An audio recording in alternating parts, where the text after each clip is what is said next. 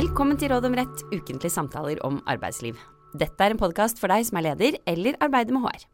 Jeg heter Ragnhild Nakling, jeg er advokat og partner i advokatfirmaet Reder, og jeg sitter her sammen med kollega og partner Siri Falk-Olsen og en gjest. Dagens podkast skal handle om såkalte plattformarbeidere og hvilke regler som gjelder for virksomheten deres. I den forbindelse så har vi fått med oss kollega og partner i advokatfirmaet Reder, Fredrik Ottesen. Han er også styreleder, og han leder konkurranserettsavdelingen i firmaet vårt. Han har jobbet med konkurranserettslige temaer i over 22 år, og dette temaet vi skal snakke om i dag, plattformarbeidere, det har blitt stadig mer aktuelt de siste årene. Det er politisk oppmerksomhet om det, det er rettslig oppmerksomhet om det, og dette temaet er like aktuelt i Norge som i EU. Og Fredrik, helt innledningsvis, kan ikke du forklare oss kort hva en plattformarbeider er, og hva som kjennetegner måten disse arbeider på?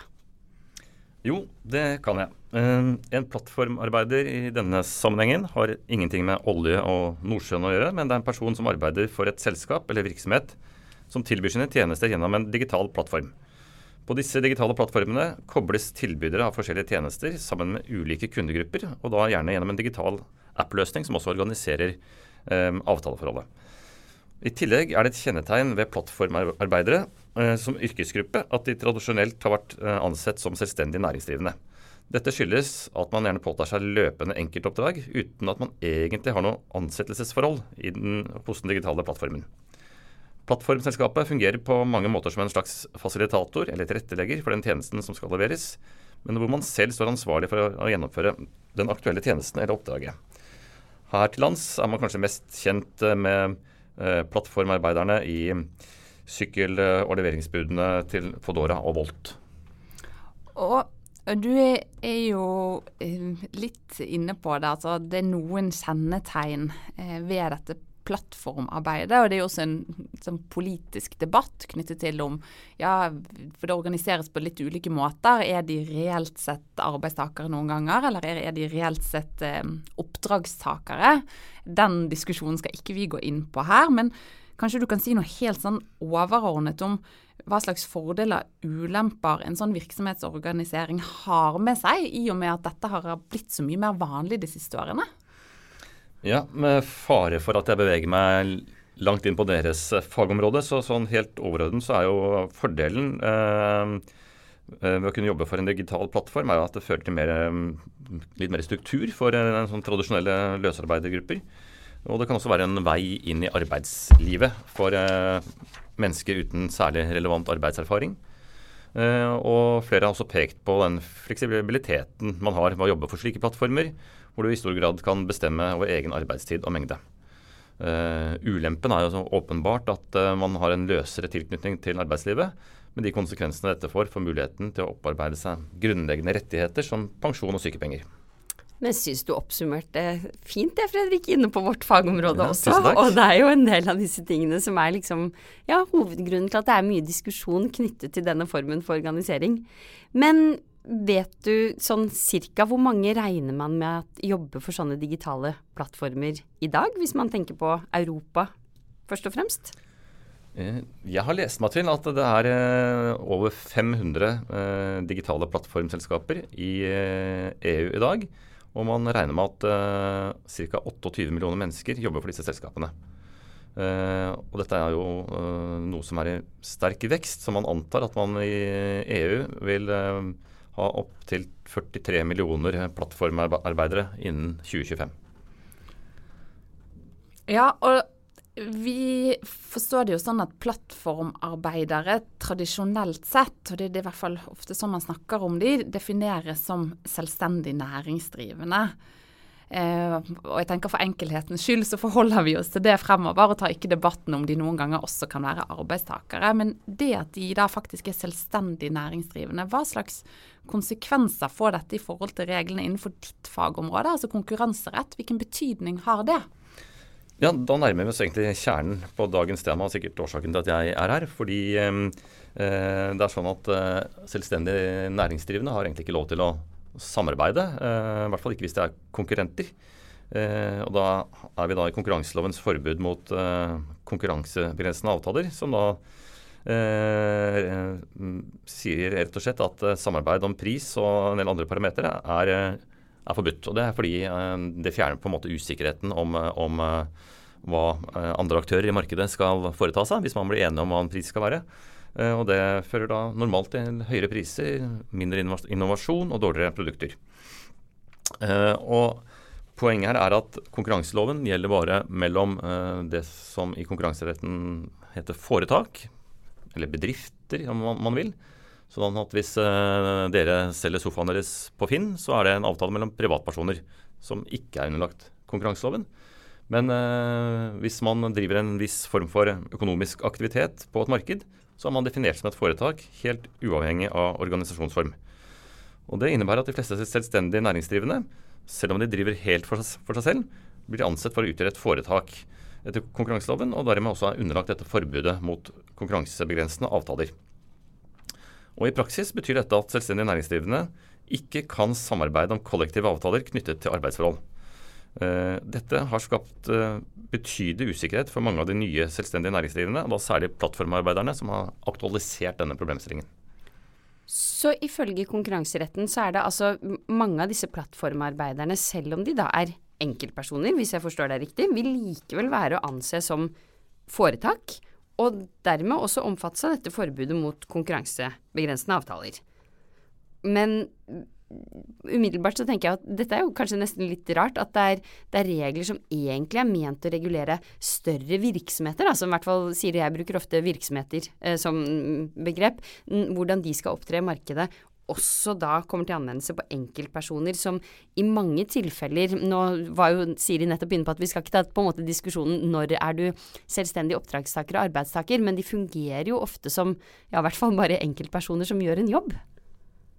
Ja, Det er nok det som har skapt denne usikkerheten. For det er ikke noe tvil om at uh, enkeltpersoner uh, også er ment å skulle rammes av konkurranseloven hvis de er Eh, reelt selvstendig næringsdrivende. Mm. Sånne som eh, oss f.eks. Mm. Leger og advokater.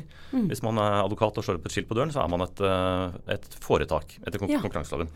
Men disse plattformarbeiderne har nok vært et mer litt sånn hybridtilfelle. Så det har vært en reell uklarhet om de kan gå sammen og forhandle om kollektive rettigheter.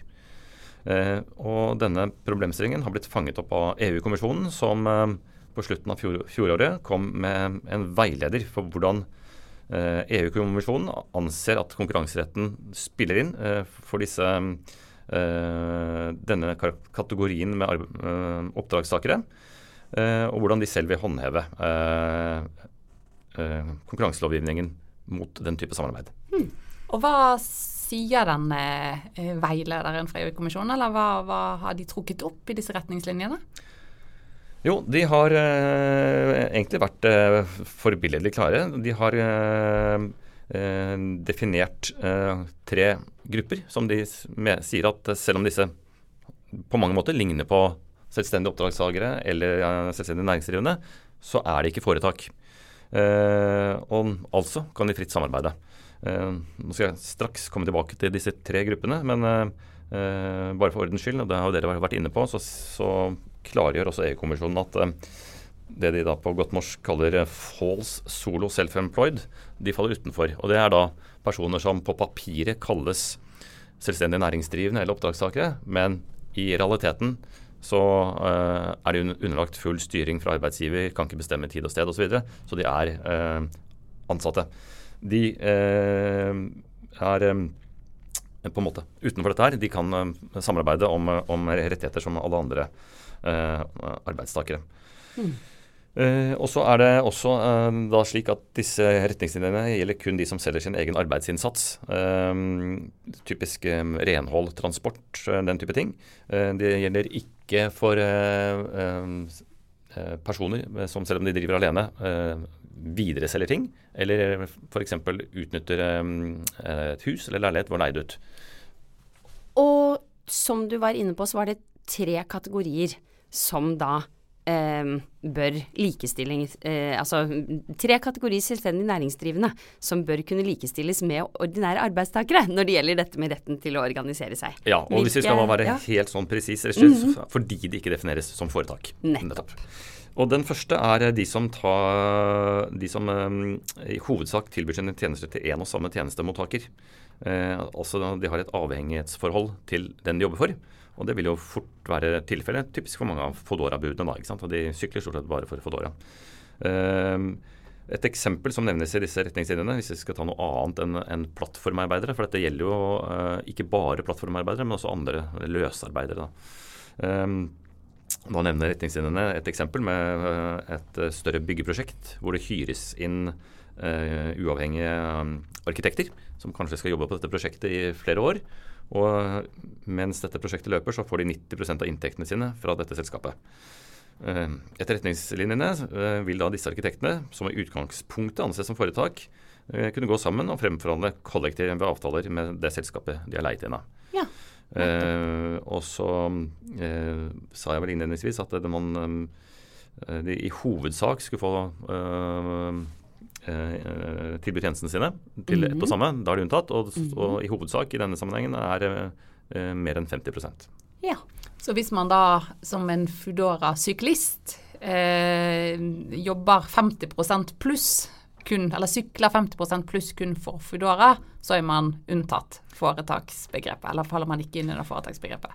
Det er riktig, eh, men som vi skal se i eh, de to neste eksemplene, så er det et eget unntak for de sånn rene plattformarbeiderne. Nettopp. Eh, men ellers er det helt riktig.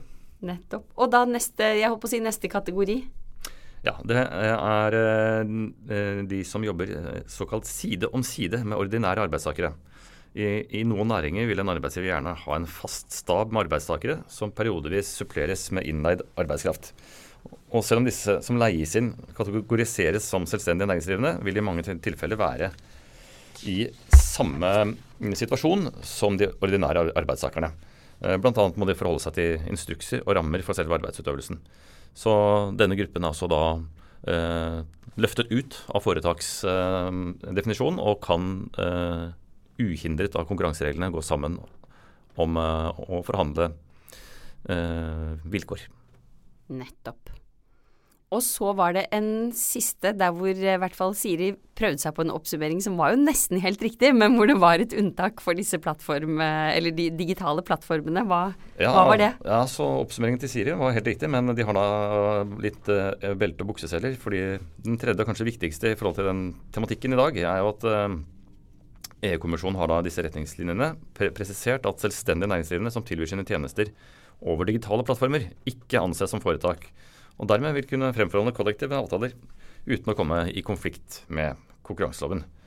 Uh, og så er det viktig å presisere at um, for at dette plattformarbeiderunntaket skal komme til anvendelse, uh, må den digitale plattformen faktisk organisere arbeidet som utføres, og ikke bare være en markedsplass som synliggjør at her er det noen tilbydere, tilbydere og her er det noen uh, etterspørrere. Så så lenge dette er tilfellet, så sier da retningslinjene at plattformarbeiderne vil kunne forhandle frem kollektive avtaler uten å havne på kant med konkurranseretten. Uh, og da så vi jo uh, i fjor, tror jeg, at uh, sykkelbudene i Fodora allerede har organisert seg, så de har på en måte forskuttert disse retningslinjene fra EU-kommisjonen. Mens et eksempel på en sånn plattform som bare liksom, synliggjør at her er det noen som tilbyr sine tjenester, Eh, som da ikke er omfattet av unntaket, vil f.eks. være mitt anbud.